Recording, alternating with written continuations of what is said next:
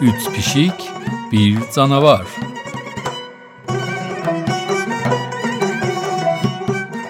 Nə gözəl. Hər yer ağappaq. Hər yeri ağ qar bürümüş. Yırtıq mırıq ilə axsar huyuxmuş. Üç yoldaş ilk sıra qar görürlər. Göydən yerə yağan qar danaları burunlarını qıdıqlayır. Qarla dığırlanırlar.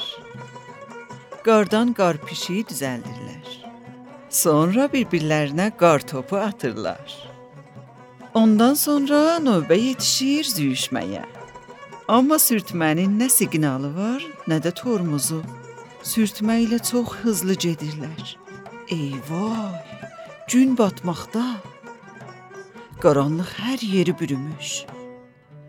Deyəsən bir fırtına da yaxınlaşır. Yırtıq, mırıq ilə axsar evlərindən çox uzaqlaşıblar. İndi onlar gərək bir dinc yer tapıb gecəni orada yatalar. Axsarın gözünə bir apartman girişi görünür. Bu anda yırtıq yerindən sıçradı. Onun üzünə bir kağız parçası çırpılmışdı. Axsar kağızı alıb oxuyur. Diqqət, diqqət. Canavara yaxınlaşmayın. Bu günlər o çox hisslidir. Axsar fısıldayır. Bu bir şuxluqdur. Mənə inanın. Canavara da bir şey yoxdur. Yırtıq düşünür. Miau. Canavarın yekə bir başı var ya. Qat qat. Qıvrım qıvrım dərisi var. Miau. Mırıq düşünür. Miau. Hey, Canavarın ucu iki dişləri, tüpürcəyi axan yekə bir ağzı var. Miau. Elə bu anda neçə addım qabaqlıq qarların altından vaq-vaq deyə bir sızıltı səsi qulaqlarına gəlir. Mırıq ilə yırtıq qorxudan dişləri çaqqıldayır.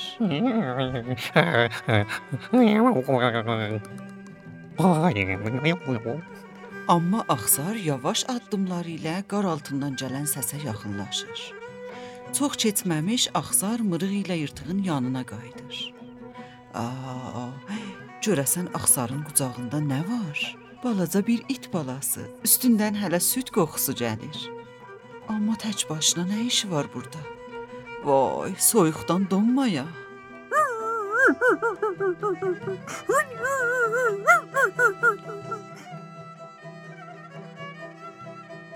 Üç yoldaş başlayırlar balaca küçüyü tumarlamağa. Yırtıq, mırıq ilə axsar bədənlərinin istisi ilə küçüyü qızışdırırlar. Sonda küçük gözlərini açıb, islah dili ilə burnunu sürtüb pişikləri yalayır.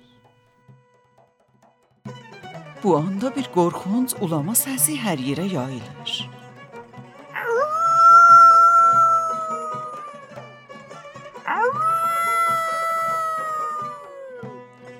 Arxasıca yaxınlaşan bir hürütmə səsi.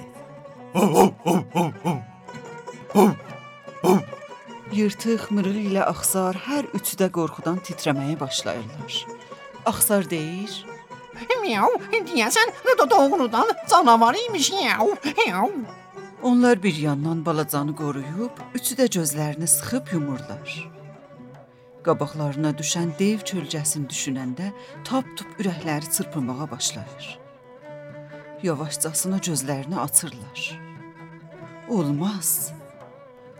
Doğrudan da tüpürcəyi axan yekə bir ağız, ucu iti dişlər, yekə bir baş, qat-qat qıvrım-qıvrım bir dəri. Vay! Lap bəllidir ki, bir qorxunc canavardır. Üç yoldaş bir-birlərinə baxıb qəşş edirlər. Aylanda onları gözəl bir sürpriz gözləyir. O qorxunc canavar bir köpək imiş. Üç yoldaş qəşş edən kimi köpək onları isti evinə daşıyıb, onları evində yatıtmışdı. Düzdür ki, ata-analar özgələri uşaqlarına yaxınlaşanda hissli olurlar. Amma axsar mırıq ilə yırtıq balaca tulanı donmaqdan qorumaqları üçün köpək onları öz evinə aparmışdı. Belə oldu ki, axsar mırıq ilə yırtıq küçü ilə yoldaş olub onunla oynamaq üçün yuvasına cələrdilər.